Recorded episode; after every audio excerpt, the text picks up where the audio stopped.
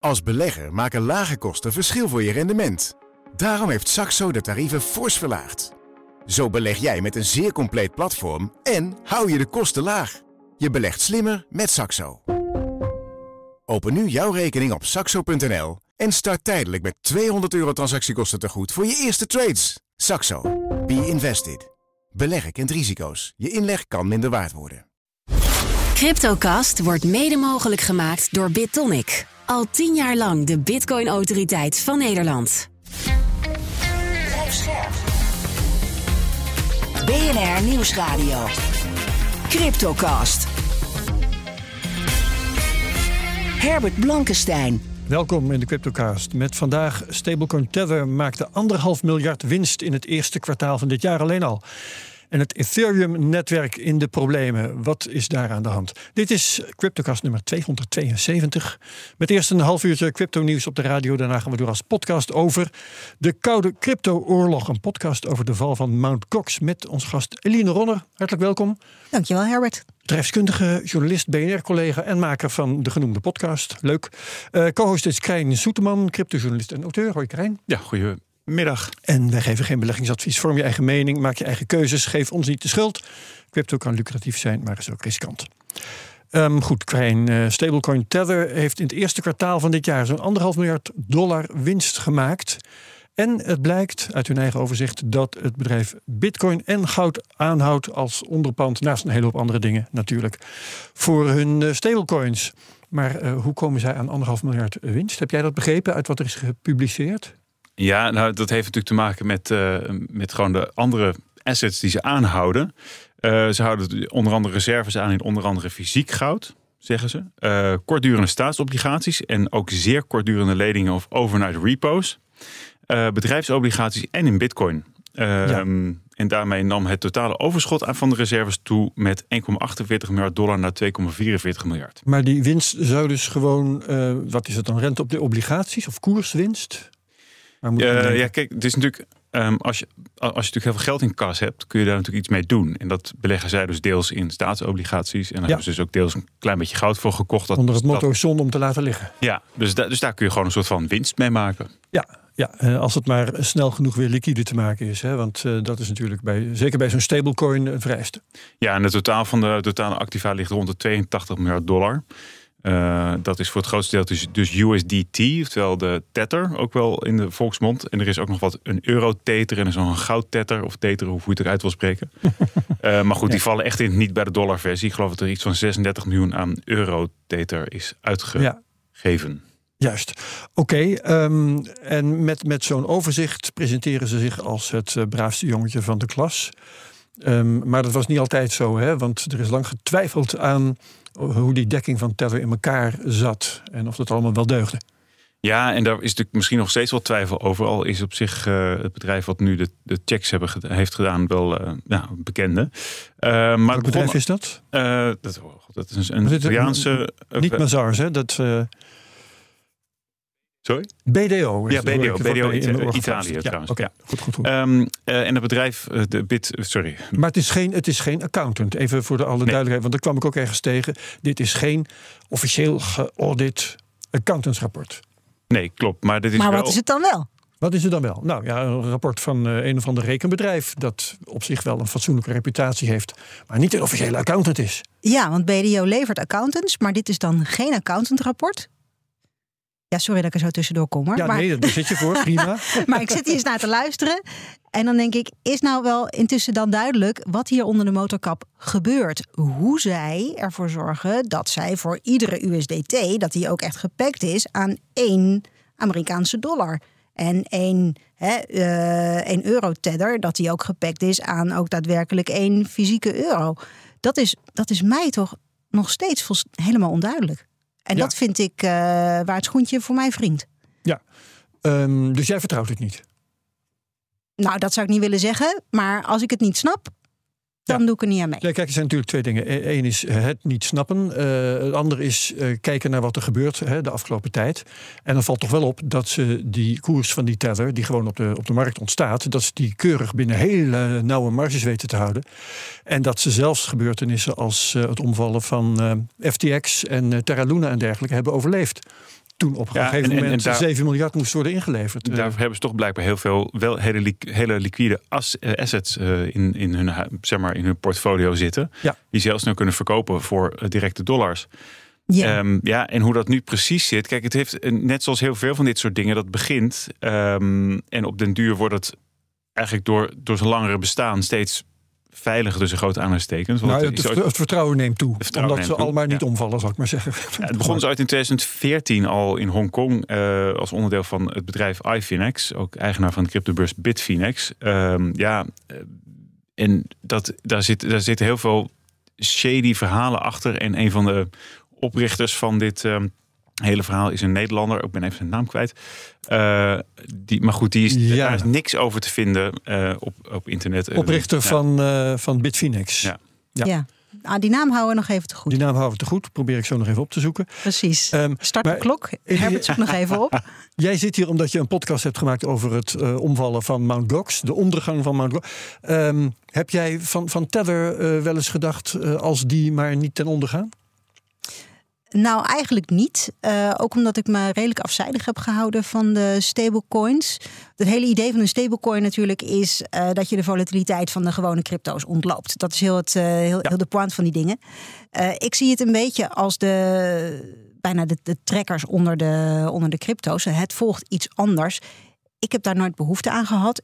Ik kan me indenken dat stel, hè, je, je handelt veel, je hebt een portefeuille op een beurs en eh, je wil eventjes wil je een gedeelte van je crypto's eventjes Ja. even beleggen in een cash equivalent, een fiat cash equivalent, dat je het dan daar eventjes parkeert om vervolgens weer over in te stappen in een andere cryptomunt. Ehm, Het is wel heel interessant wat jij nou zegt, want eh, er zijn mensen uit de, ik zal maar zeggen, de traditionele financiële wereld die zeggen als er een soort crypto is waar we misschien nog eens wat aan hebben, dan zijn het die stablecoins, want die zijn tenminste niet volatiel.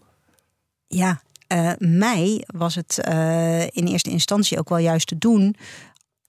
naast, naast het feit dat ik gewoon geloofde in heel het Bitcoin-protocol. om juist gebruik te maken van die volatiliteit. Volatiliteit kan ook je vriend zijn als handelaar. Als je en als je, ja. ja. Ehm, dus daar loop ik misschien een beetje op de zaken vooruit. Maar eh, een van mijn eerste projectjes in, eh, in Bitcoin was proberen arbitrage te plegen en gebruik te maken van verschillen in de Bitcoin-koers. Dus juist gebruik maken van volatiliteit. Dus dan is, dan is dat je vriend. Ja. Eh, en in die zin ehm, heb ik dat nooit eigenlijk willen Ja. ontlopen. Verder ben ik ook eigenlijk een echte hodler. Dus toen ik Kopen en vasthouden. kopen en vasthouden. Dan ga je ook niet zo snel in, in een stablecoin zitten. Dus Nee. voor mij was het eigenlijk nooit zo relevant. Plus dat ik al best wel wantrouwend ben als ik niet zo goed snap hoe ze nou ook echt ervoor gaan zorgen dat het ook echt goed gepakt is. Het is net zoals met een synthetische ETF in, in fiat, ben ik ook niet zo'n fan van. Ja, Nou, kijk, of, of het nou wel of niet goed gepakt is. Ik, ik was net even in de war omdat iemand zei van dat het geen accountantskantoor zijn. Maar Mhm. BDO is wel het, het vijfde accountantskantoor van de Ja, wereld. daarom ben ik Dus- dus zo verbaasd. Ik was eventjes dat ik zat. huh, eh, Ja, dan, dan ehm, zou ik weer moeten ophoesten waar ik dat dan weer vandaan. Maar dat heb ik in de voorbereiding ergens gelezen. dacht ik, oh, dat moeten we eventjes bespreken, want dat is natuurlijk wel interessant. nee, maar goed, dat, dan, dan, moet ik jou eh, dan weer schuldig blijven. Is dat in ieder geval opgelost. Dus dan vertrouwen we toch wel weer iets meer. Ja, nee, maar dat was Dit ook een beetje. eh, nou goed, kijk, het overzicht is in ieder geval een stuk beter dan het. het- Ik denk dat ik denk dat je in de war bent met Binance. Had, een, had allemaal vage firma's die officieel weer geen accountantskantoren waren. En daar, ik denk dat dat het ding was wat je. Goed, nou, Maar goed, laten niet we zo daar belangrijk. ophouden. Nee, precies. Ehm, intussen, ehm, we moeten hier bijna mee over ophouden. Maar ik wil nog eventjes aan de orde stellen. De eh, staatsobligaties die eh, ruim de helft van hun dekking uitmaken. Is dat nog een risico op dit moment? Ja, ik, ik, ik- eh, de, de de andere cryptobedrijf. Circle, wat ook een eh, stablecoin heeft, die willen juist snel van hun, van hun eh, staatsobligaties Ja. af, omdat ze bang, omdat ze stellen dat de Amerikaanse dollar eh, een gevaarlijke investering is op dit moment. Ja, Ja, vooral in verband met de discussie over het schuldenplafond. maar De goed. Circle wil geen eh, staatsobligaties die na 1 juni aflopen op dit moment. Nee, maar goed, dat, eh, dat, is, dat, is, dat is natuurlijk een. eh, ja, ik weet niet hoe je daar naar moet kijken. Maar goed, Nee. gaan we zien. Daar horen we Teller in elk geval niet over op dit moment. We gaan naar Bert Slachter om het te hebben over de prijzen. Analist bij de digitale nieuwsbrief Bitcoin Alpha. Dag Bert. Goeiedag. Hallo. Uh, Bert, uh, we hadden um, afgelopen week grote drukte op het Bitcoin-netwerk. En we hadden acht rode dagen achter elkaar. Was daar verband tussen? Was het een de oorzaak, de oorzaak van het ander? Nee, dat had niks met elkaar te maken. Die drukte van de afgelopen tijd komt door experimenten met inscriptions. Daar hebben we het vaker over gehad in de CryptoCast. Dat is ja. een techniek waarmee je een bepaald stukje Bitcoin betekenis kunt geven. Alsof je met een stift op een tientje wat schrijft. En als ik het tientje dan aan jou geef, dan gaat die boodschap mee. En um, daarmee experimenteert men nu met het uitgeven van tokens. Heel naïef en primitief experiment. Um, waardoor het ook voor hoge transactiekosten zorgt, veel drukte. Um, en automatisch ook voor een grens aan het experiment, omdat het hartstikke duur is. Maar hoe dan ook, ja. het zijn allemaal mensen die al in crypto zaten en daar nu mee experimenteren. En het is dus geen nieuwe adoptie, maar okay. er is ook niks kapot. En eigenlijk geen ja, reden om invloed te hebben op de koers. Speelt geen rol in vraag en aanbod. Nee, exact. Nee. Goed, wat was dan wel de oorzaak van die vrije val van de bitcoin acht dagen lang? Ja, vrije val zou ik het ook eigenlijk niet noemen. Hè. We, we, hebben, we zien nu een correctie vanaf het hoogste punt half april. Dat was 31.000 dollar naar nou ja, iets rond de 26.000. Dan heb je het over ja, een procent of 15. Mm -hmm. En dat is voor bitcoin een hele milde correctie eigenlijk. Ja. Hij duurt wel wat lang. Ja, ja. Je wilt zeggen, uh, dat is zo mild dat je er eigenlijk niet eens een oorzaak voor hoeft te noemen. Nee, precies. Nou ja, kijk, de, de, de oorzaak is misschien wel gewoon dat we een stijging van 100% achter de rug hebben hè, sinds, sinds half november. Ja. En in markten zie je dan dat mensen op een gegeven moment wat, uh, wat winst nemen, bijvoorbeeld. Dat is heel gebruikelijk. Ja, en, en de omgeving, zoals de macro-economie, hè, dus de verhoging van de rente en de onzekerheid over het schuldenplafond, die spelen natuurlijk allemaal ook wel een rol op de achtergrond. Je ziet heel veel financiële markten nu ja, zijwaarts bewegen. Eigenlijk in een soort wachtstand van mm -hmm. ja, hoe gaat het allemaal uitpakken. Ja, um, in uh, de Bitcoin Alpha uh, schrijven jullie deze week over bear markets are for, for building. He, als het slecht gaat op de markt, dan uh, hebben bedrijven in elk geval de rust om nieuwe dingen te bouwen. Waar wordt nu aan gebouwd, dat jij weet? Ja, klopt. Het drukste deel van de marktcyclus, hè, dat is het einde van de boelmarkt en het begin van de bearmarkt. Dan zijn er miljoenen nieuwe gebruikers, nieuwe toepassingen, nieuwe opwinding, nieuwe problemen, nieuwe schandalen, nieuwe teleurstelling. En dat appt op een gegeven moment weg. Men heeft het er niet meer over. Bitcoin is weer eens dood. En dat is een tijd met heel weinig ruis en heel veel signaal. En dan wordt er gebouwd door duizenden start-ups, grote bedrijven aan de technologie zelf, hè, zoals het Lightning-netwerk of die inscriptions, producten en diensten eromheen, integratie in allerlei andere diensten, maar ook financiële infrastructuur. Dan kan je denken aan uh, uh, derivatenmarkten of bewaaroplossingen, datavoorziening, wet en regelgeving. Ja, en dat zijn allemaal dingen waar, je, waar, waar nu eigenlijk in stilte op de achtergrond aan gebouwd wordt. En het, de vraag die dan natuurlijk altijd gesteld wordt. Ja, wat daarvan gaat dan voor de volgende doorbraak zorgen? Maar ja. dat weet je niet. En het kan vanuit van alles komen wat dan ineens blijkt te werken. Het kan ook helemaal van buiten ons Nederlandse blikveld komen. Bijvoorbeeld een Aziatische game developer die iets met Web3 gaat doen. Dus dat, is, ja, ja, dat, dat, dat weten we over twee jaar pas. Ja, nou goed, daar wachten we dan wel op. Um, intussen schrijven jullie ook: Bitcoin moet in deze periode, wil er een nieuwe boelmarkt ontstaan, um, moet Bitcoin mainstream worden. Daarvoor is gebruiksvriendelijkheid nodig. Maar wat ik mij dan afvraag is, uh, wat wordt dan die toepassing van Bitcoin uh, die uh, het mainstream maakt? Hebben jullie daar zelf ideeën over? Ja, main, mainstream is natuurlijk een groot woord. Hè? Dat, je, zou kunnen zeggen, um, in sommige landen en voor sommige toepassingen sta je op de drempel van de overstap naar, hè, van, van in de adoptiecurve van de innovators en de early adopters naar de early majority. Hè? En dat is eigenlijk het begin van het proces van mainstream worden. Maar je hebt gelijk, ik denk dat in de volgende boelmarkt de technologie voor een nieuwe groep mensen beter wordt dan de alternatieven die ze hebben. En bij beter kun je denken aan goedkoper, handiger, sneller, veiliger, leuker. En ik denk dat de allergrootste eerste mainstream toepassing die van stablecoins is. Ik denk dat stablecoins de belangrijkste toepassing zijn op dit moment van crypto. Er zijn wereldwijd tientallen miljoenen mensen die in dollars sparen, wat ze lokaal niet kunnen of mogen, die uh, dollars gebruiken, crypto-dollars, om te vluchten of om naar een familie te sturen. Er zijn 200 miljoen mensen wereldwijd die in het buitenland werken om een gezin te onderhouden. Dus ik denk dat, dat, dat juist het nog beter en stabieler en geaccepteerder maken van die stablecoins een belangrijke factor zou kunnen zijn in de volgende uh, adoptiegolf. Ja, nou uh, intussen zat Eline hier uh, vriendelijk te glimlachen, want die heeft net stablecoins zitten dissen. heeft daar zelf in elk geval geen, uh, geen employ voor. Maar ik laat jullie nu niet met elkaar in discussie gaan, want je tijd is om, Bert. dankjewel voor je visie op de prijzen. En meer details zijn er te vinden in de digitale nieuwsbrief of op bitcoinalpha.nl. wij gaan het intussen hebben over het Ethereum-netwerk, want dat kraakte deze week in navolging eigenlijk van het Bitcoin-netwerk de week daarvoor. Um, ja, wat was daar dan aan de hand? Eh, Krijn, laat jij je licht er eens over schijnen. Nou ja, Ethereum netwerk is natuurlijk een belangrijke driver geweest voor stablecoins. Hè? Maar goed, dat even geld terzijde. Um, wat is aan de hand? Um, ja, de, de, Ethereum is overgegaan van proof of work naar proof of stake, zoals we misschien nog herinneren. Geen mining meer. Dus geen mining meer. We, maar in dit geval worden dus blokken uh, op een andere manier gemaakt. Die worden met zogenaamde validators. En die validators die uh, moeten dus controleren of zo'n blok klopt. En dat, uh, dat moet letterlijk een soort van getuigschrift afgeven. Oftewel uh, attesteren, een attest afgeven dat een blok goed is. Nou, dat klinkt ingewikkeld en dat is het ook. Want uh, kort gezegd komt het erop neer dat bepaalde software clients om tot consensus te komen. Dus om te besluiten dat alles goed is. Die kwamen allemaal oudere attestaties tegen. En die probeerden ze te verifiëren. En nieuwe binnenkomende attestaties proberen ze ook te bevestigen. Nou ja, dat zorgde dus voor uh, een enorme. Die dingen moesten opnieuw her, gaan herberekenen met allemaal onderdelen van, van, van het, van het Ethereum-netwerk. Nou, dat zorgde voor vastlopende hardware van te weinig geheugen, te weinig uh, CPU-power en al dat soort dingen. Ja, ja een heel stuw meer eigenlijk aan nog goed te keuren transacties. En, en, net zoals je eigen computer vastloopt, dat je ineens denkt: ja, reset is de enige ja. En was de wortel van het probleem dan dat er verouderde software in omloop was? Uh, er waren bepaalde, er waren wat afwijkende transacties geweest en die kon bepaalde software liep daar eigenlijk een beetje op vast. Ja. Uh, dus sommige software clients gingen wel vrolijk verder met het, uh, met het attesteren in blokken maken. En uh, een ander deel niet. En dat was ongeveer ja. 40% ging ze wel verder en 60% niet. Ja, oké. Okay. Um, ehm, de validators, dat zijn dus ja, mensen of misschien bedrijven hè, in sommige gevallen die geld hebben gestoken in de mogelijkheid om die, dat oordeel te mogen uitspreken hè, of blokken ja. kloppen. Maar ze laten zich dus intensief helpen door software, begrijp ik.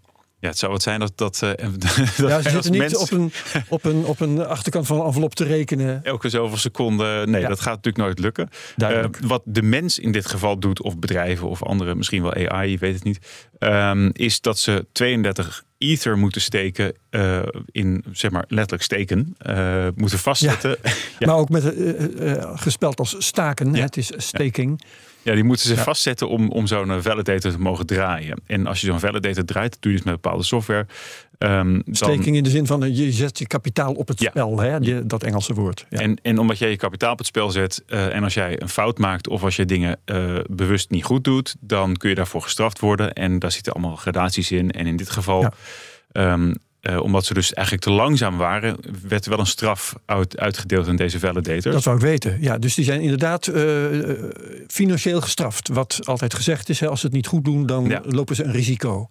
Maar wat, ik, wat, wat dus wel in dit geval gebeurd is, omdat het, omdat het om een, eigenlijk een softwarebug ging, is het toch een soort van weer uh, genoegdoening geweest en uh, ja, is het gefixt. Um, dus, dus de validators hebben in dit geval geen problemen. Tenminste, zij zijn hun geld niet verloren. Um, door een hotfix in de software. Maar ja, het, het, blijft natuurlijk gewoon uh, hoe, hoe ingewikkelder het systeem is om iets te, uit te voeren, hoe meer fouten er kunnen plaatsvinden. En dit is ook steeds waarvoor gewaarschuwd is van het overgaan van proof of work naar proof of stake. Ondanks dat proof of stake veel minder energie gebruikt, is het een, uh, ja, een, een, een kwetsbaarder systeem. Ja. ja. Uh, Eline, jij zei net, uh, stablecoins vind ik niks. Bitcoin heeft mijn vertrouwen. Ethereum, is, is dat wat jou betreft een, een, een mooi ding, een bruikbaar ding? Nou, wat ik het mooie vind aan Ethereum is dat dat natuurlijk de moeder van alle smart contracts is, in ja. feite. Um, daar vind ik natuurlijk heel veel moois voor te zeggen. Anderzijds merk je wel, en dat toont dit voorbeeld ook alweer aan, dat hoe, hoe meer informatie je in, in je protocol wil stoppen op een blockchain, hoe ingewikkelder het wordt en hoe gevoeliger het ook wordt voor allerlei fouten. Dus dat is uh, denk ik wel een discussie die je ook wel hè, in, de, in de community ja, ook wel hoort. kwetsbaar. Precies, ja. Is het dan uh, wijsheid om een hele simpele basis te bouwen, zoals Bitcoin in feite is, en daar allerlei lagen aan toe te voegen om vervolgens extra functionaliteit te doen? Nou, de, de, de echte Bitcoin-maximalisten zijn daarvoor. Of is het wijsheid om dat al in te bakken in feite, waarbij Ethereum stap nummer één is? Ja. Eh, En dat experiment zijn we aan het doen. en dat zijn we aan het doen. Dus in die zin zit ik er niet heel erg uitgesproken in. Ja. Ehm, zit, heb Ik denk dat het een heel belangrijk experiment is hoor. Want als dit goed gaat, oh, zeg maar over een echt lange tijd. En natuurlijk heb je hiccups. eh, je hebt een heel nieuw systeem verzonnen. Ja, dan ergens moet je, moet je ook wel weer hopen dat het goed gaat of zo. Voor Ik ga eh, dis- Ja. de discussie verleggen naar eh, vooruitblik naar de podcast. Waar Ah. we over dit soort dingen misschien eh, ook nog wel even kunnen praten. Maar vooral over Mt. Gox. Daar heb jij eh, een eigen podcastserie over gemaakt, Eline. Wat fascineerde je aan Mt. Gox? De, eigenlijk de eerste Bitcoin exchange die over de kop ging. Nou, ik was daar een van die klanten. En al voordat de boel op de fles ging, had ik al wel zo'n gevoel van, nou, hier klopt iets niet. Toch eh, bleef ik daar zitten, kreeg ik mijn geld er ook niet uit. En toen de, de beurs eh, failliet ging, toen was er 850.000 bitcoin zoek. Ik dacht, hoe raak je dat toch in vredesnaam? Zo verschrikkelijk Kwijt. veel. Ja. Wat is daar gebeurd? En die vraag is nog heel lang in mijn hoofd blijven rondspoken en liet mij niet los. Dus eh, ik ben het op een gegeven moment gaan uitzoeken. ja. En op welke, eh, behalve deze, hoe heeft dit kunnen gebeuren? Had je nog meer vragen waar je een antwoord op wilde? Nou, al vrij snel kwam ik erachter, die beurs die is gehackt. Ehm, er zijn meerdere hacks geweest. Dan wil je weten door wie en hoe. Exact. Door wie en hoe. En als de bitcoins gestolen zijn, waar gaan ze dan naartoe? Waar zijn ze nu? Eh, op de blockchain moet je het terug, terug kunnen vinden. Eh, zoveel wist ik eh, toen ik eraan begon wel. Dat, het kan niet zoek zijn. Je kan dit gewoon hè, met follow the money, Ja. eigenlijk het nieuwe follow the money, kun je dit vinden. Dus dat was het begin van die reis. Wie heeft de hack gezet en waar, is, waar zijn die eh, bitcoins? dan? En eh, zonder dat je alles nu hoeft te verklappen, heb je je vragen beantwoord gekregen.